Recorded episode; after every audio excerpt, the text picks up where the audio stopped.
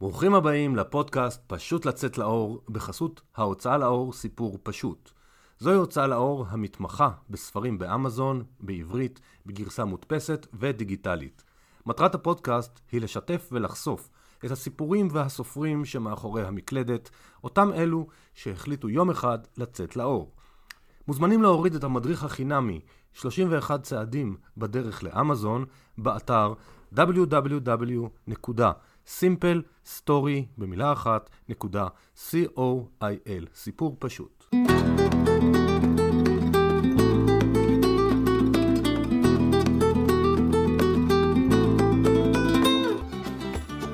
ברוכים הבאים לפרק נוסף של הפודקאסט פשוט לצאת לאור. Uh, היום איתנו אסנת. אסנת, שלום לך. היי, עמית, מה העניינים? מעולה. אסנת כתבה אה, כמה ספרים, היא כתבה ספר "התחילו לספר", שזה על storytelling, היא כתבה את תמר ואיתמר בשבילי הכפר, שזה ספר ילדים, והיום היא כותבת אה, גם פרוזה, סדרה וגם ספר קומיקס ועוד המון המון כתיבה.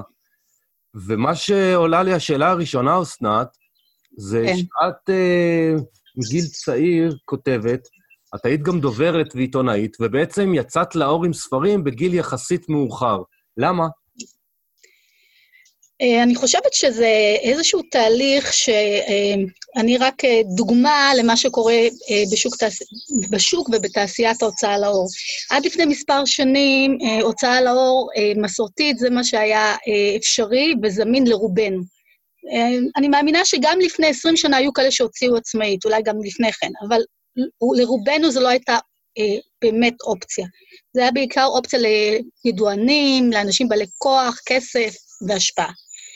ואני הייתי בעצם אחת מיני רבים שניסתה, אני חושבת פעם ראשונה שניסיתי להוציא לאור ספר, זה היה בשנת 2001, אה, הייתי אז אימא צעירה, כתבתי את הספר תמר ואיתמר אה, בין שבילי הכפר, וכמו אה, כולם אז, שלחתי להוצאות לאור, אני לא יודעת אם אתה זוכר, עמית, אבל בזמנו היינו שולחים את זה בדואר רשום לעצמנו, וזה היה זכויות היוצרים. כלומר, היינו מקבלים מעטפה חתומה עם בול, והיינו שומרים אותה אה, אצלנו, וכשאם היה מגיע איזשהו מועד שהיינו צריכים להוכיח שזה הטקסט שלנו, היינו פותחים את המעטפה yeah. כן. הזאת בנוכחות אה, עורך דין או בית משמעת או וואטסאבר, לא נראה לי שאי פעם מישהו עשה את זה אגב, ומוכיחים שזה הטקסט שלנו. וזה מה שגם אני עשיתי, כמו רבים וטובים. שלחתי, אה, כתבתי ספר, שלחתי אותו לכל מי שחשבתי, אני מתארת לעצמי להרבה הוצאות לאור, בטח סיננתי כאלה שלא מוצאים ספרי ילדים, וכמו רבים וטובים לא קיבלתי שום תשובה. אה, ואני אה, רוצה לעשות פורוורד של אה, כמה שנים קדימה, לשנת 2016 או 2017.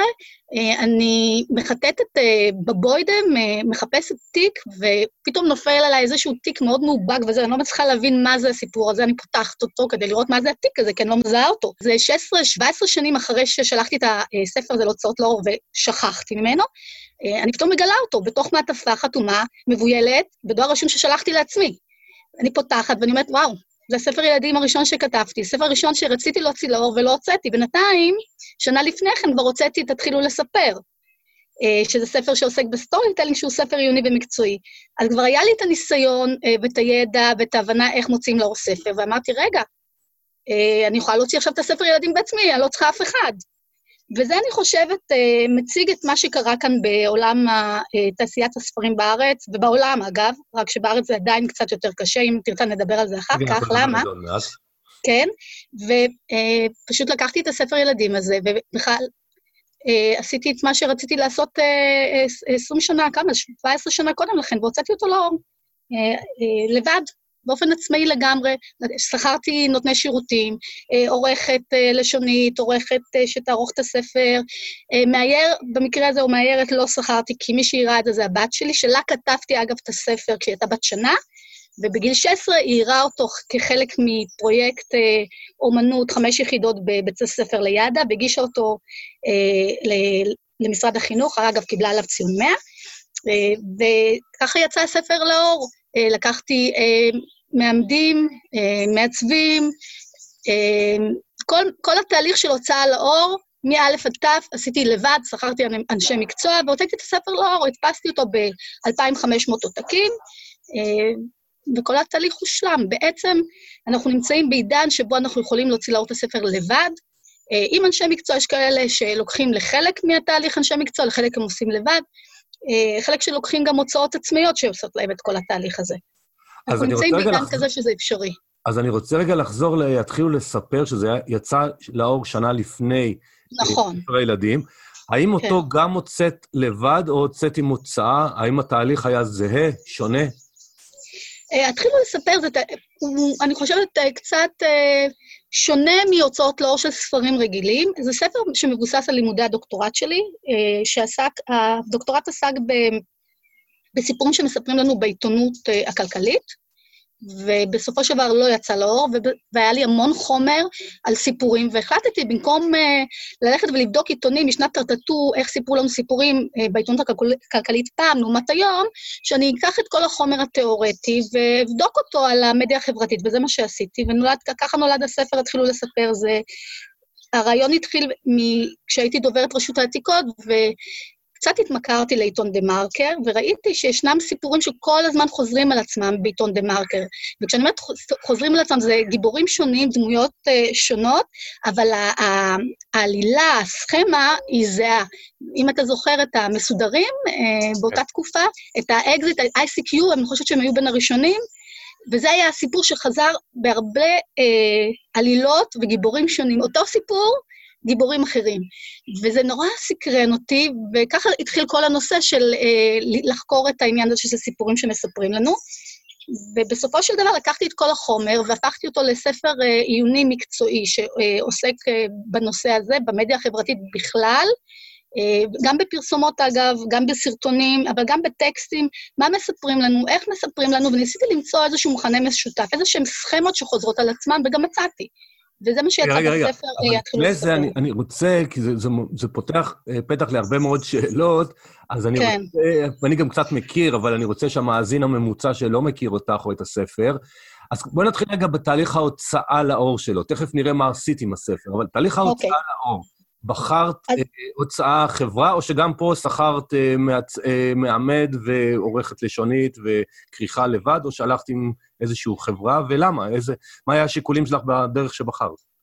אז מלכתחילה החלטתי שאני מוציאה את זה באופן עצמאי. היו, היו כמה שיקולים. אני חושבת שהשיקול הראשון, שהוא גם היה אגב שיקול די נאיבי, אה, רציתי לשמור על הזכויות יוצרים. אה, שמעתי כל מיני סיפורים שאתה הולך על הוצאות אה, מסורתיות, מה שאנחנו מכירים היום כההוצאות שמוציאות במימונן את הספרים למי ששולח, כמו שתיארתי עם תמר ואיתמר בשנת 2001, ידעתי והבנתי שאני אצטרך לוותר על זכויות יוצרים. כלומר, ברגע שאני נותנת את הספר להוצאה, היא מממנת את כל ההוצאה, והזכויות שלה, לפחות בעברית, שייכות להוצאה, על הספר שלי. זה משהו שלא רציתי שיקרה, וגם שמעתי המון סיפורים על זה שסופרים מרוויחים פרוטות ממכירת ספרים, וקצת הרגיז אותי, אני אומרת עוד פעם, זה היה די נאיבי, כל התפיסת עולם בזמנו, כי לא ידעתי למה אני נכנסת, ואני חייבת להגיד שזה לא משהו קל להוציא ספר לבד באופן עצמאי אה, לחלוטין. אה, ומהמקום הזה אה, החלטתי פשוט לחפש אה, נותני שירותים ולהוציא את הספר אה, באופן עצמאי לבד, ללא שום תמיכה של הוצאה לאור. חיפשתי אה, עורכת לשונית, אה, בפייסבוק, אגב, אה, גיליתי מישהי במקרה, שמאוד מצא חן בעיניי, ראיתי דברים שהיא עשתה ועבודה שהיא עשתה, והחלטתי אה, שהיא תהיה העורכת הלשונית, ופניתי אליה. אה, לקחתי נותני שירותים, לקחתי מעמדת, מעצבת לכריכה, לקחתי מישהו שיעבור איתי את כל התהליך של הוצאה לאור, הכל בעצם עם נותני שירותים מקצועיים שבחרתי. אגב, עשיתי הרבה טעויות, פעמיים החלפתי... ככה לומדים, הכל בסדר. בדיוק, אה, החלפתי פעמיים אורחים באמצע, פעמיים מעצבים. אה, עשיתי טעויות, אבל כשראיתי שהתוצאה היא לא מה שאני מצפה או אוהבת, או חושבת שזה מספיק טוב, אה, שילמתי לנותן השירותים והחלפתי אותו בנותן שירותים אחר, אחרים. אם נדבר אחרי זה גם על אמזון, אגב, זה קרה לי גם כן, אנחנו נדבר גם על אמזון, אבל אני רוצה עוד רגע כן. לחזור ולהתחיל ולספר. אז דיברנו על ההוצאה לאור. ומצד שני אמרת שהרעיון בא כשהיית דוברת הרשות ל... נכון. ודה-מרקר וכולי, אבל האם בחרת להוציא את זה כי זה חלק מהמקצוע? זאת אומרת, הכוונה שלי, האם הספר הזה הוא רצית שהדוקטורט שלך יהיה לנצח נצחים, או שזה נותן לך, משמש אותך כפלטפורמה לעסקים אחרים שלך. אני חושבת שזה התחיל כי רציתי שיצא משהו מהדוקטורט שלי, כי דוקטורט, כמו שאמרתי, לא יצא ממנו. ואמרתי, לא יכול להיות שיש לי כל כך הרבה חומר ואני לא אעשה איתו כלום. זה התחיל משם. ולכן גם אה, היה מקום כזה של אה, רכושנות, שלא רציתי שמישהו ייגע לי בטקסט, לא רציתי שמישהו יתעסק איתו, רציתי שליטה מוחלטת על הטקסט, רציתי שליטה מוחלטת על התהליך. רציתי גם אה, שיהיה לי, אה, אחרי זה חשבתי על זה, אני חושבת, זה לא איזה... תראה, זה נורא... אה, כיף וככה מלהיב להגיד, וואי, הייתה לי אסטרטגיה, אני הולך לפתוח עסק, וזה יהיה החלוץ שלי. הייתי רוצה לספר את זה, זה לא קרה ככה. לא, לא, אנחנו רוצים לספר את האמת, אנחנו... את האמת, אז אני פשוט התגלגלתי. אוקיי, אז התגלגלתי, זה לא הייתה לי אסטרטגיה, לא היה כלום, היה משהו מאוד מאוד רגשי. אגב, אנחנו עובדים בעיקר בגלל רגשות, אחרי זה אנחנו מצדיקים את זה רציונלית, אבל החלטות שלנו הן רגשיות הרבה פעמים. אז הייתה החלטה לגמרי רגשית. אה, שאחרי זה התגלגלה והפכה להיות למשהו מאוד רציונלי, שממנו אה, נבנה עסק שלם, כי ה storytelling הפך להיות בעצם אה, העסק שלי, שהוא בהתחלה היה עסק לייעוץ וליווי שיווקי, כמו הרבה עסקים אחרים שהיו בארץ, שהבאתי את עולם הדוברות שלי, יחסי ציבור, אני, אני גם מתמחה ב planning ממשרד פרסום גדול שבזמנו היה בארץ, אז בעצם לקחתי את ה storytelling והפכתי אותו להיות החלוץ שלי בתוך המערכת הזאת. אז זה בדיוק מה שאני רציתי לשמוע, זאת אומרת, אה, לא שאני הכתבתי לך, אבל הלא אסטרטגיה הזאת, כי אני טוען שאנשים, להוציא ספר, זה מביא אותך למקומות שאתה לא חשבת. זאת אומרת, אנחנו אישית אה, הקמנו את סיפור פשוט, הוצאנו ספרים, במקרה יצא מזה גם הוצאה לאור, זאת אומרת, לא תכננו את זה, זה נשאבנו לעולם הזה. את הוצאת ספר שהיה אמור להיות דוקטורט, הוא לקח אותך פתאום לאיזשהו מין סוג של עסק וחשיפה. וזה היפה, לדעתי, בהוצאת ספרים. זה, אתה לא יודע לאן זה מוביל אותך. זה... לגמרי, אה, התגלגלתי זה לגמרי, ואני יכולה להגיד יותר מזה, הספר בעצם הפך אותי לאוטוריטה בתחום. אה, זה משהו שאני חושבת שהיה לוקח לי שנים להגיע לולולי הספר. כי נכון שכשאני אה, מדברת שהספר יצא בתחילת 2017, תחשוב שהוא נכתב עוד לפני, כן, שנתיים לפני לפחות, והמחקר עוד התחיל בשנת 2014, אז תבין שזו תקופה, אני לא יודעת אם תעשה קצת ככה אה, חזרה בראש שלך, תראה שתקופה שאף אחד כמעט אני חושבת שאף אחד לא דיבר בארץ על storytelling, אני בטוחה כמעט. אה, אז כשיצאתי עם הספר, אה, גם כן אנשים לא ידעו על מה אני מדברת. רוב האנשים שאלו אותי, מה ה storytelling, מה?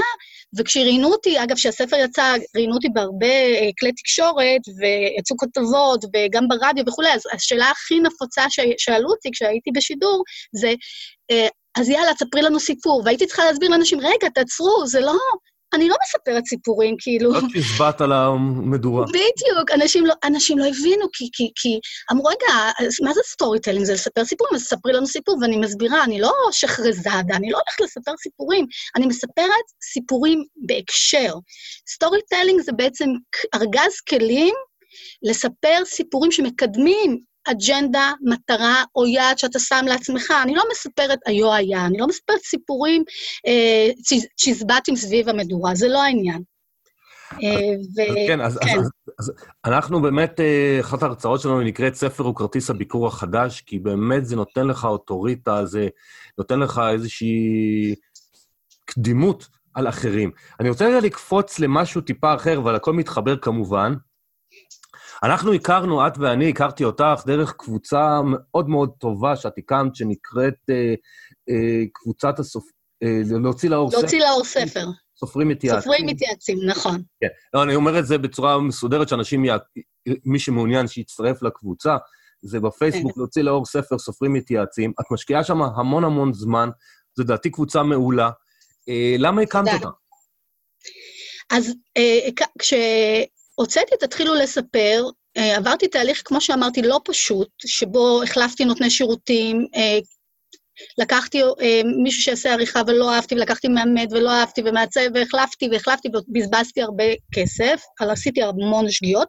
אגב, אני חייבת לציין במאמר מוסגר, שגיאות חזרו גם בספר הילדים, ושגיאות חזרו גם ב, אה, ב, בספר באנגלית שהוצאתי של ה storytelling אפקטיבי באמזון. כי כל מערכת וכל ז'אנר זה עולם ומלואו, שצריך ללמוד מההתחלה. חשוב לי לציין את זה, כי אנשים חושבים שהוציאו ספר, זהו, הם מומחים. הם יכולים כבר לדבר ולהגיד הכל ויודעים הכל. התשובה היא לא.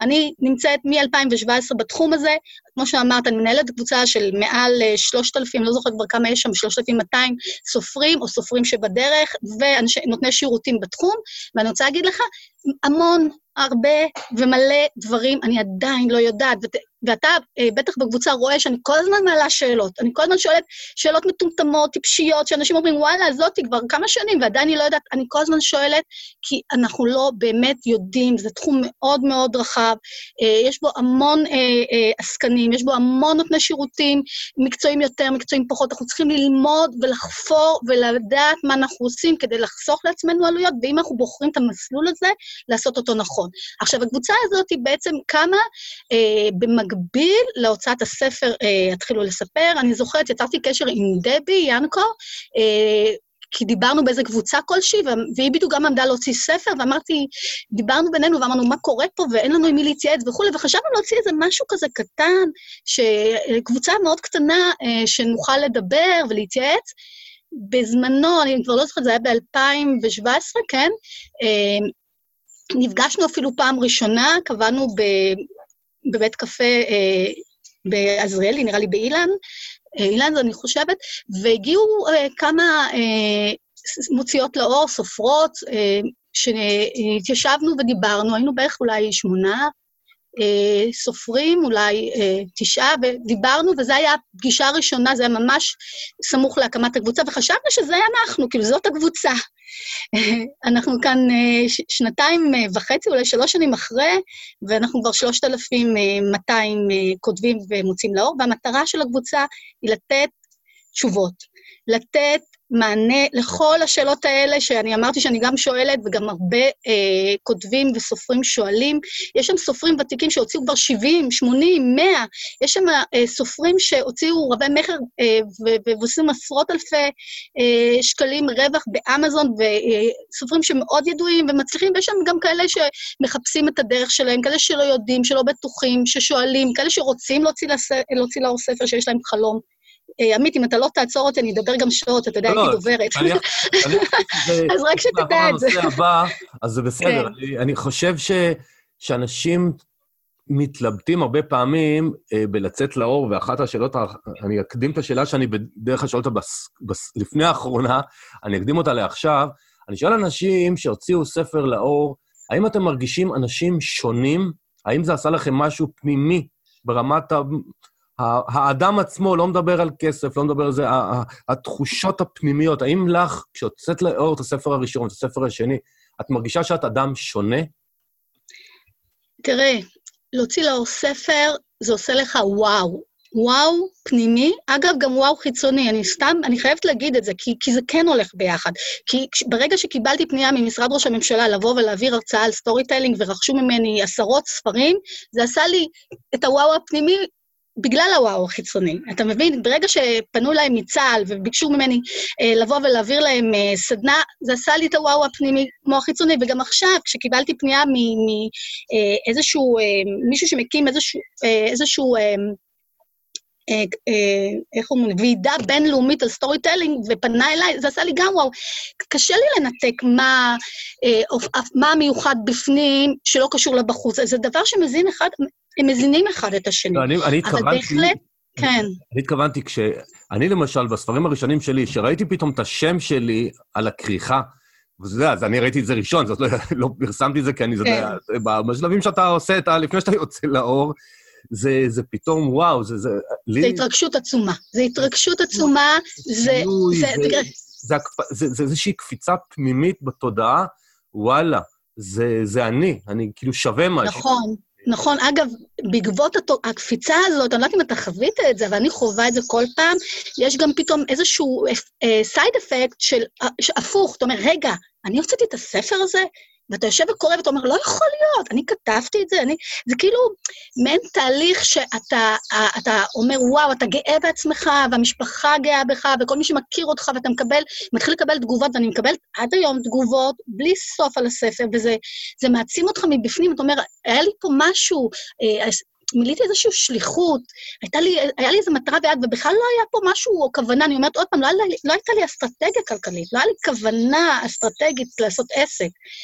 ועשיתי משהו טוב, ש, שיניתי משהו למישהו בעולם, נגעתי באנשים ושיניתי לאנשים משהו, ויש לזה... לזה התכוונתי, לכן לא עצרתי אותך, דיברת על... יש לזה אפקט, כן, אפקט מטורף. אני יכולה להגיד לך שיש לי אנשים שמתקשרים אליי, שאני לא מכירה, אנשים שקבעו איתי פגישה והתחילו, אמרו לי, תקשיבי, אנחנו חייבים לפגוש אותך. בהתחלה, אתה יודע, הייתי מאוד חשדנית, אמרתי, רגע, מה רוצים לפגוש אותי? מי אני? מה אני? הוצאתי כולה ספר.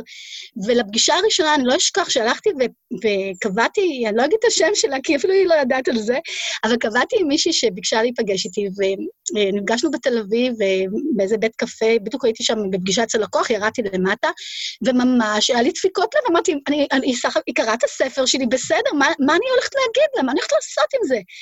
אה, וזה משהו שמלווה אותי, אגב, עד היום, כשמבקשים ממני למשל לכתוב הקדשה על הספר, אני מתחילה לגמגם, אני, אני מתחילה לכתוב שמות, אני טועה בשם, אני עושה שגיאות, אני כאילו, זה נורא מרגש אותי, אבל גם לא מובן לי עד הסוף, כי, כי אני עדיין רואה את עצמי, ואני עדיין, אסנת, כאילו, מי אני בכלל?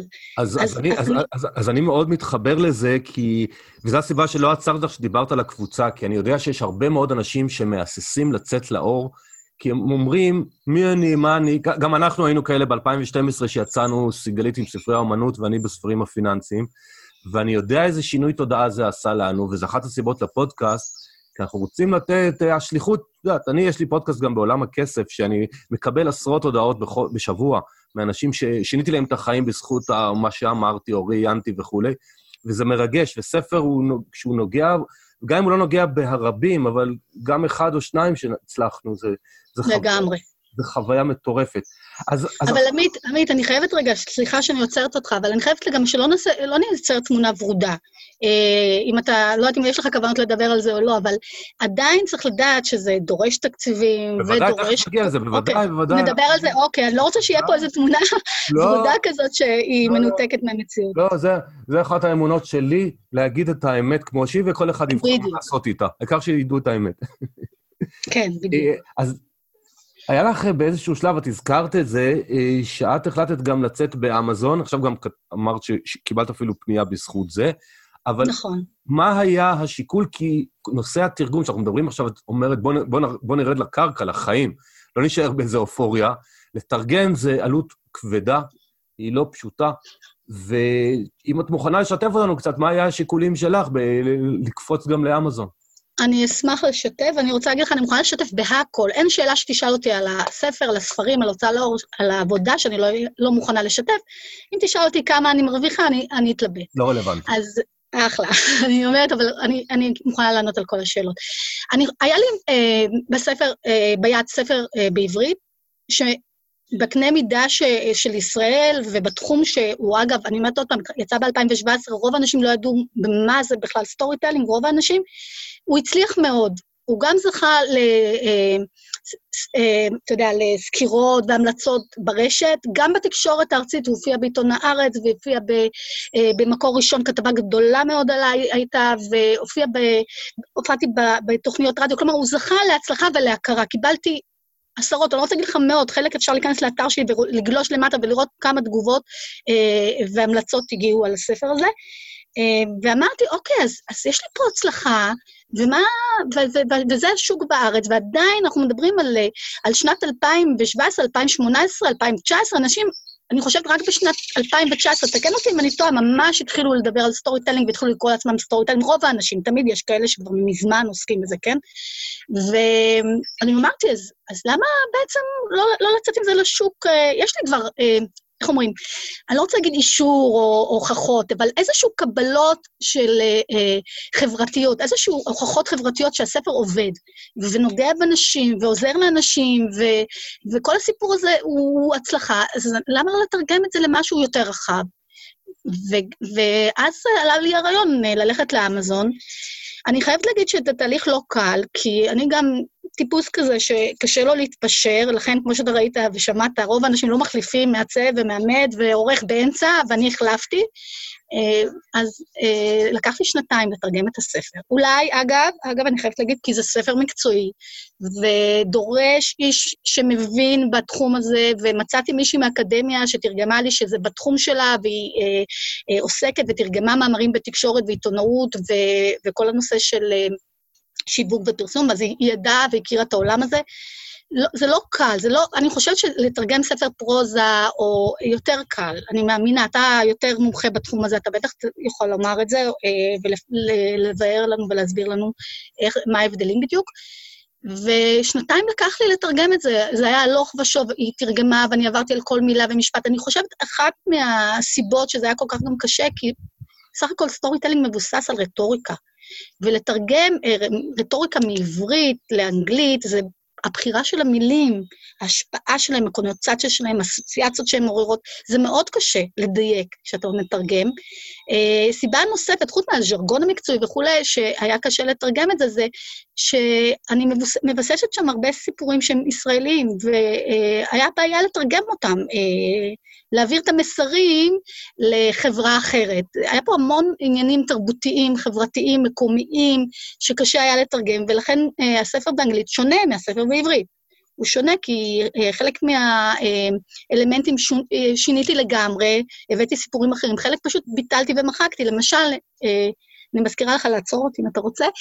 למשל, אם אני אתן דוגמה, כשאני מביאה ומדברת על חריזה בספר שלי, ואני אומרת שלחריזה יש אה, כוח אה, רטורי אה, על, על האנשים, על הצרכנים, על הנמענים, אז אני מביאה את הדוגמה של, אה, של שם הספר שחשבתי בהתחלה לקרוא לו בעברית, ואני מראה איך, איך החריזה משנה את, את, את היחס שלנו. בהתחלה לספר רציתי לקרוא המדריך שלך לסיפור הצלחה. ותשים אה, לב שיש פה איזה משקל, המדריך שלך לסיפור הצלחה. אוקיי? אבל, אבל אם אתה אומר את זה בנקבה, החריזה לא, המשקל הזה לא עובד. הסיפור שלך לסיפור הצלחה. כן. אוקיי? אז זה למשל דוגמה שאני מביאה בספר, להסביר למה יש למשקלים ולחריזה איזושהי השפעה עלינו, כי אנחנו, אה, לפי מחקרים, תופסים חריזה ומשקלים ואיזשהו שיווי משקל בין חלקי משפט כאמת. משהו כזה שעובר מחסום של הרציונלי, זה משהו רגשי. שקשה מאוד להסביר אותו. אבל. באנגלית הייתי צריכה להוריד את זה, כי זה לא, אי אפשר לתרגם את זה לאנגלית, זה לא עובד באנגלית. כן, כן, אנגלית זה, זה, זה אחרת לגמרי. אז בואי נתקדם קצת לקטע הזה שאת הזכרת אותו, בוא נגיד את האמת, שזה לא קל. עכשיו, אני מסכים איתך מאוד שזה לא קל.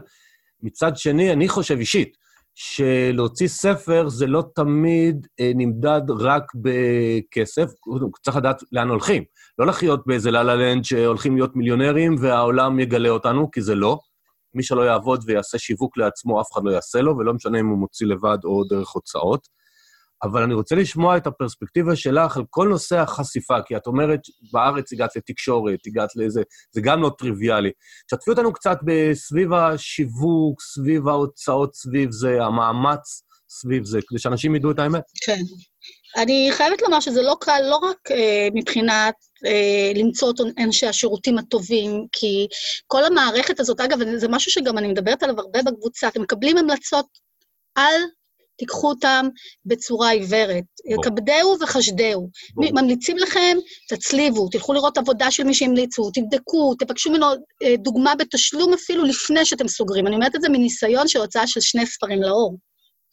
אוקיי? לא לקבל המלצה בצורה עיוורת.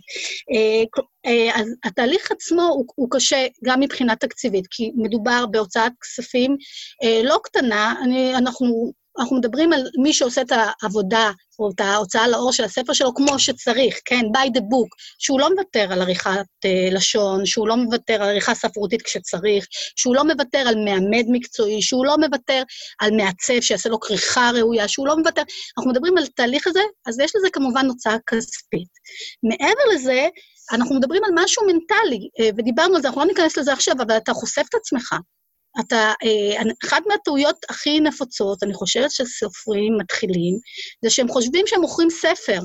סליחה שאני צריכה להגיד את זה, אני עושה שם מירכאות עם היד, אנחנו מוכרים את עצמנו. סליחה, אבל כשאני אומרת את זה ככה, בצורה בוטה, אבל זה לא באמת הכוונה שאני מוכרת את עצמי, אלא שאני מוכרת... כן, כן, צודקת. אוקיי, אני, אנחנו מוכרים את עצמנו כ, כ, כ, קודם כל כבני אדם, כסופרים, שיש לנו מה להגיד, שיש לנו מה לספר, שכדאי לכם לעקוב אחרינו, שכדאי לכם לשמוע אותנו, שאנחנו יכולים לתרום לכם, אנחנו יכולים לתת לכם ערך. ודרך זה אנשים אה, אה, נחשפים אלינו, ואז הם רוצים לרכוש את הספר. אני מקבלת המון פניות דרך הפייסבוק של אנשים שאני לא ידעתי אפילו שהם עוקבים אחריי, שהם אומרים, וואו, אני חייבת לקנות את הספר שלך, ואני כאילו מסתכלת ואני אומרת, אוקיי, אה, הם אצלי ברשימת החברים, והם כנראה קראו הרבה טקסטים שלי, וזה הביא אותם לרכוש את הספר, כי, כי משהו בי אה, יצר איתם את ה connection, משהו בי שכנע אותם. אז אנחנו, אה, אנחנו כן צריכים להקים אתר ולהקים דף עסקי. אגב, אתר אני הקמתי בוויקס באופן הכי פשוט והכי קליל והכי מהיר לבד. אה, לא צריך לשפוך כסף בדברים האלה. אבל כן צריך להיות לנו אתר, וכן צריך להיות דף עסקי שדרכו אה, יפנו אלינו, ו, וכן אנחנו צריכים להשקיע... דף סליקה, אנשים מוותרים על הדף סליקה, שזה לפעמים משגע אותי, אז איך... דף...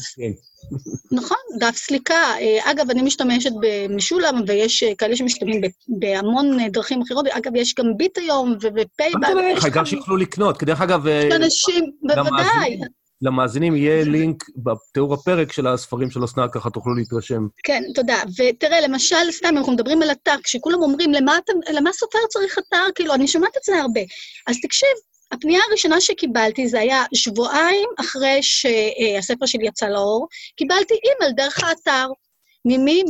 מאיזושהי חברה, סוכן של ספרים, שראה את הספר שלי, והוא אה, אה, נקרא במרכאות צייד ספרים, והוא הזמין עשרות עותקים לכל האוניברסיטאות בארץ. אז אני שואלת, נכון שגם אם לא היה לי אתר הוא היה מגיע אליי, אם זה היה כל כך זה, אבל הוא הצליח בלחיצת כפתור, בקלות, באמצעות אה, אה, זה שהוא נחשף לספר, כי עשיתי קצת אה, אה, שיווק בזה בהתחלה, ואחר כך עשיתי הרבה, אה, להגיע אליי. אז צריך להבין שאנחנו צריכים לאפשר לאנשים להגיע לנו בכל הדרכים שאפשר, דרך הפייסבוק, אם אנחנו בלינקדאין, אם אנחנו ב... ב אם, אם המדיה שלנו אינסטגרם, כל אחד במדיה שהוא פעיל בה ו, ומתאים לקידום הספר שלו. אנחנו צריכים לשווק. כשאני אומרת את זה, אני מתכוונת להפשיל שרוולים ולעשות את כל התהליך לבד, שזה החל מלחקור ו- ולהכיר ולהבין איך מערכת אה, ההוצאה לאור בארץ עובדת, אה, ועד לקחת אנשי מקצוע ולבדוק ולבחון ולראות שזה אכן איש המקצוע שמתאים לך, כי אחת הטעויות, דוגמה שעשיתי בספר באמזון, לא לספר, בספר הילדים, שעוד לא יצא אגב, זה שלקחתי עורכת אה, לשון מדהימה, מעולה, אמריקאית, עם מיליון המלצות, אבל היא, היא לא, לא מתמחה בספרי חריזה אה, שמיועדים לילדים. אז לא מספיק שאני אקח אה, נותן שירות מעולה, הוא צריך להיות מעולה לז'אנר שלי, לספר שלי, לצרכים שלי. אה, ובסוף, כמובן, זה השיווק במכירה. אני כל פעם אומרת, אני אומרת את זה בחצי צחוק, אבל זה לגמרי אמת, שאנחנו מתחילים, אה, צריך לשווק את הספר חצי שנה לפחות לפני שהוא יוצא לאור, ולא להפסיק עד ש... אני הייתי אומרת לנצח, אבל אני לא יכולה להגיד דבר כזה, אבל לא להפסיק, אלא אם אתם אה, מחליטים שאתם לא רוצים לדחוף אותו יותר ולמכור אותו. כל הזמן צריך לשווק. כן, מסכים איתך מאוד. יש לי עוד שאלה אחת, שתי שאלות, אחת לפני האחרונה היא, איך את רואה את עתיד הדיגיטלי בארץ? מאזינים, אנחנו מקליטים את זה בתחילת שחרור אה, הקורונה, מתחילים לחשוב לנו טיפה לצאת מהבית. אבל אנחנו עדיין, אני, כי יכול להיות שאתם תקשיבו לזה בעוד שנה ותגידו, מה זה קורונה? כבר שכחנו.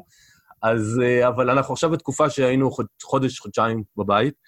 האם את מרגישה, חושבת, אה, שזה יעשה משהו לשינוי צריכה לעולם הדיגיטל בארץ? ספרים דיגיטליים? אני שמעתי שיש עלייה של אה, עשרות אחוזים, אבל עדיין, לדעתי, אם אנחנו משווים. בארץ, משווים את זה לפרינט, אה, זה זניח. כלומר, גם, ה... גם אם תגיד לי שמוכרים דיגיטלי עכשיו פי 40 אחוזים יותר, או 30 אחוזים יותר, עדיין, אם אתה משווה לכמות הספרים המודפסים שנמכרת מדי שנה, אה, זה באמת... אה, לא רוצה להגיד בטל בשישים, אבל זה, זה לא משהו כזה. אולי מקרה שינוי לדעתך. עוד פעם, כבן אדם מהיישוב, אנחנו אין לא יודעים הרי מה מחוץ. אני, אני, אני, מתקש, אני מתקשה לענות על זה, כי אני, אני אגיד לך את האמת, אני בגיל שלי כבר, אני, אני מה שנקרא מהאולד סקול. אני, אוהב, אני אוהבת ספר, אני אוהבת, אני אוהבת את הפרינט, אני אוהבת להרגיש את הספר, אני אוהבת להריח אותו, אני אוהבת לדפדף בו, אני אוהבת לעשות לו אה, אוזני חמור. אגב, אני, אני כל הזמן אומרת לכל מי שרוכש את הספר, תמרקרו, תעשו אוזני חמור, תעשו, תעשו הכל, זה לא השחתה. זה ספר עיון, לזה, זה המטרה שלו, ספר מקצועי. אז אה, אני קשה לי, אה, אתה יודע, בנבואה ניתנה לשוטים, קשה לי להגיד מה הולך לקרות בעולם הדיגיטלי, וקשה לי להאמין שמשבר של קורונה שיכול להשפיע אה, בצורה כזאת, שפתאום אנשים יעשו מהפכה בצורה ש... מהפכה באמת, באמת, אגב, במוח, אה, באופן שהם צורכים ספרים. למשל, אני יכולה להגיד לך שאני נמצאת עכשיו, נגיד, באמזון, אני מורידה כל הזמן, הרי יש כל הזמן אפשרות גם ספרים בחינם, וגם במחירים מגוחכים של 0.99 דולר וכו', ואני כל הזמן קונה ומורידה וזה. אני לא מוצאת את עצמי ממש קוראת את הכמויות ספרים שיש לי בקינדל, ויש לי מאות ספרים טוב, זה גם בנטפליקס, יש... אה, המבחר הוא אינסופי. אבל אל תתחילו לספר, שמת בעברית, גם יש אפשרות בדיגיטלי, או שאת רק בפרינט יש אותה? התחילו לספר, כרגע נמצא רק בפרינט. אני כן הייתי צריכה, אני חושבת, בעידן הקורונה להעלות אותו לדיגיטלי, כי בטוח זה היה מרחיב את הקהל שלי. היה לי הרבה פניות. אני לא יודעת למה לא עשיתי את זה, אני חושבת שהיה לי אה, אוריינטציה קודם להוציא את זה בחוץ לארץ, באנגלית, וזה שיהיה לי ככה לא, אה, באוויר. אבל הניסיון שלי פשוט, יש לי ספר אחד שאני גם תרגמתי לעברית, אה, נקרא לחשוב אשר להיות עשיר, והוא בעברית, דיגיטלי ומודפס. קונים בעיקר דיגיטלי, הוא קצר, הוא יותר עקרונות, הוא לא איזה ספר. אני חושבת שספרים קצרים, אגב, גם, גם יש ז'אנרים שמאוד קוראים אה, בדיגיטלי. לדוגמה, ז'אנר כידוע לך, רומן רומנטי. הוא כן, נקרא בכמויות. בדיגיטלי, יש ז'אנרים שכן. אני מתארת לעצמי שגם ספרים מקצועיים נקראים בדיגיטלי, והיום יש גם את כל הנושא של ספרי השמע, שגם כן מקצועית מאוד מאוד הולכים, לפי מה שאני שומעת בארצות הברית, אגב, כן, באמזון זה... ארצות הברית, זה להיט עכשיו, מתחיל, ממש הולך וגדל. זה סיפור אחר, זה כבר אה, בארץ. כן. בקיצור, אני מציע לך לחשוב על הדיגיטלי, כי כשיש לך אותו בעברית, אה, זה, אז ה... לא, אני, אני עובדת על זה. כמעט. אני, אני עובדת על זה, ואני מצטערת שפספסתי את התקופה הזאת, כי אם היה לי, אני בטוחה שזה היה מקפיץ את המכירות. יהיה עוד. אז אנחנו מגיעים לשאלה שאני שואל בסוף. אה, כן. והם שלושה טיפים שבא לך לתת לסופרים קיימים, מתחילים, מתלבטים. אולי דיברנו עליהם, אולי לא הספקנו לדבר עליהם, ככה שיצאו אנשים עם משהו פרקטי מבחינתם, מעבר... אוקיי, אז... אני אשמח. קודם כל, אה, כשהייתי דוברת רשות העתיקות, היה לי אה, משפט כזה שהייתי אומרת לארכיאולוגים, היו מגיעים, היו מוצאים איזושהי חפירה ארכיאולוגית, איזשהו ממצא, איזה משהו מרגש, איזה סיפור מדהים, והיו אומרים, מהר, מהר, תוציא לאור, מהר, מהר, מהר, תפרסמי לעיתונים וזה. אתה יודע מה זה בעצם דוברות. אנחנו, מוצ... אנחנו מייצרים סיפור סביב, במקרה שלי זה היה תגלית ארכיאולוגית או ממצא ארכיאולוגי, ומוציאים את זה לתקשורת כדי שיפרסמו אה, את זה. ואז הייתי אומרת להם, מה שחיכה אה, מאות, אלפי שנים מתחת לאדמה, יכול לחכות מעל האדמה שבועיים, חודשיים ויותר. אה, וזה מה שאני רוצה להגיד לכל מי שהולך ורוצה להוציא לאור ספר. אתם כתבתם ש... ספר, מן הסתם, רובנו, אני מאמינה, לא עושים את זה בחצי שנה ולא בשנה, ומשקיעים וכותבים ומשכתבים ועורכים עד שמגיעים למשהו הזה שהם אוהבים ומתחברים וחושבים שזה זה, השקעתם המון זמן, הרבה אנרגיות, הרבה אמוציות, רגשות, הכל. אמ, אל תרוצו. תעצרו רגע. אני חייבת להגיד שחייבים לעשות איזושהי אתנחתא, לבדוק, לחקור. אני במשך אה, חצי שנה למדתי את, הנו, את התחום לפני שהוצאתי את הספר לאור. כלומר, הספר כבר היה במקביל בתהליכי שכתוב ועריכה, לשונית וכולי, ובפינג פונג כזה שעושים, אתה מכיר את זה? אה, ובמקביל פשוט למדתי את השוק, למדתי מי הם השחקנים הראשיים, למדתי מי הם הנותנים. אני אומרת לך, אחרי כל זה גם עשיתי טעויות, תתאר לך. אבל אני אומרת, אל תרוצו, תעשו את הכל, מה שנקרא by the book, אל תוותרו על עריכת לשון, כי זה יקר, אל תוותרו על עורך לשון מקצועי שמתאים לז'אנר לכם, שלכם, כי הוא לוקח אה, אה, אלף שקל או אלפיים שקל יותר מעורך אחר שלא מתאים אה, כל כך לספר שלכם. אל תתפשרו באיכות, כאן זה המקום להשקיע, כי אתם יכולים לכתוב ספר פנטסטי, אבל אם לא השקעתם בכריכה, בפרונט של הספר, אף אחד לא, הספר לא, לא יגרום לאף אחד לעצור ולהסתכל עליו. טוב, לא לאף אחד, תמיד יהיו כאלה שמשפחה לא, לא. וחברים לזה. אוקיי, אבל תשקיעו בכריכה, תשקיעו בתקציר, תשקיעו בכל התהליך של ההוצאה לאור, אל תחסכו. זה הטיפ הראשון. הטיפ השני שלי זה אם אתם לא כאן בשביל לרוץ מרתון, תחשבו פעמיים לפני שאתם נכנסים לתחום הזה. המון, יש, אני שומעת על הרבה אה, אנשים, אה, הרבה עוגמת נפש, מפח נפש אמיתי, אנשים שכתבו אה, ספרים והשקיעו אה, המון, וברגע שהוא הלך לבית דפוס, ועשו את כל התהליך שאמרתי, ביי דה בוק וכולי, הגיע לבית דפוס והיה להם ספרים בבית, ויש להם ארגזים על ארגזים בבית, כי שם הם התעייפו. זהו. כאילו, הם נתנו את כולם, ופתאום הם צריכים לשווק, אבל רגע, אני סופר. אני, אני לא משווק ספרים. היום אם אתה מוציא לאור ספר ואתה לא מוכן להפשיל שרוולים ולגרום לספר שלך להצליח, נד... אני לא אומרת שלא קיים מקרים כאלה, שמישהו מגלה אותך פתאום. לצורך העניין זה לא קיים, אנחנו נדירים. אוקיי, לצורך העניין זה דבר נדיר. אתה צריך לעבוד קשה למכור ולשווק את הספר שלך נון-סטופ. אגב, גם בהוצאות המסורתיות, אני יכולה להראות לך אה, סופרים, ואני מכירה רבים שהוציאו, טובים אגב, שהוציאו ספרים מדהימים ומעולים ואיכותיים בהוצאות לא מוכרות. אני לא אגיד שמות, אנחנו לא רוצים לעשות כאן פרסום לאף אחד, אבל מוכרות והגדולות שידועות לכולנו, ואם הם לא שיווקו את הספר, אז הם מכרו כמה מאות בודד, אה, בודדים של ספרים. אה, כמה מאות ספרים, 500, 600, 700, 1,000, 2,000, לא בשביל זה אנחנו כותבים את הספר, אה, כדי להגיד, אוקיי, אה, הוצאתי, קיבלתי את החותמת של הוצאה לאור מוסמכת גדולה וזה, והוצאתי, ומכרתי בסוף 700 ספרים. כאילו, זה כאב לב. אז גם הם צריכים לשווק, גם הם צריכים... ויש אנשים שאומרים, בצדק, לא רוצה, אני סופר, אני רוצה להתעסק רק בכתיבה, אחלה. תדע למה אתה נכנס. ו... הדבר השלישי אה, שאני רוצה להגיד, שאנחנו מצד אחד בתקופה אה, נהדרת של הוצאה לאור עצמית, כאילו, בואו נתעלם רגע ממשבר הקורונה, כי אנחנו באמת במשבר ואנחנו לא יודעים, כי לא יודעים לאן זה ילך ומה יקרה, אבל אנחנו נמצאים בתקופה נהדרת, כי תחשוב שאם אה, נחזור חזרה לשנות, לפני שנות, סוף 1999, תחילת שנות האלפיים, 2000, 2001, אנשים, אה, לא היה את המדיה החברתית הזאת, שיכולנו ליצור את ה connection, את הקשר הישיר לקוראים שלנו. המהפכה הדיגיטלית, ובתוך המהפכה הדיגיטלית, המדיה החברתית, ואני חושבת פייסבוק אה, בעיקר, פתח לנו כסופרים עצמאיים עולם ומלואו. כלומר, אנחנו יכולים לייצר קשר ישיר עם אנשים, מה שלפני כן היינו יכולים רק לחלום על זה, איך יכולנו להגיע להמונים? כן. אז, אז זה זמן פנטסטי אה, מבחינת סופרים עצמאיים. אני חייבת להגיד שכמובן שהמהפכה אה, בחו, ב, בעולם שלמה, עם, כמו שאתה יודע, עם ה-print on demand, שאנשים יכולים גם לא, להרגיש, לא, לא, לא להדפיס ולא שיהיה לך ארגזים בבית, אה, מה שקורה היום באמזון, ולצערי בארץ זה לא קורה, אז עדיין יש לנו קושי מאוד גדול, כי צריך אה, ארגזים ומשלוחים. נכון, גם לזה יש פתרונות, אבל זה פתרונות יקרים, ובעצם למוצר של ספר זה הם לא רווחיים ממש, אה, ומעטפות ודואר. ומשלוחים וספרים חוזרים. זה, התהליך הזה מאוד קשה, ואני מקווה מאוד שאם יהיה לנו בעתיד אה, את ה-print on demand בארץ, אז בעצם המהפכה של, הס, של הספרות העצמית תושלם, ואנחנו נראה כאן בארץ מה שקורה בארצות הברית היום, שזה שוק מטורף. כן, אה, אני גם מקווה, הלילה בדיוק מכרתי איזה שני ספרים בעברית בפרינט און דימן באמזון, אז זה מגניב. וואלה, בלי קידום. לא, אני לא עושה קידום, אבל זה סתם מגניב לראות שהעברית באמת עובד באמזון. אז אסנת, תודה רבה, היה מרתק. תודה רבה על הזמן שלך. תודה לך, עמית. תודה, משתמשים. אני מאוד מקווה שנהנתם. אה, יש עוד המון מידע באתר של סיפור פשוט, www.simplestory.coil. ספרו לחברים שלכם על הפודקאסט, תצאו לאור, זו חוויה מטורפת. תודה לכולם.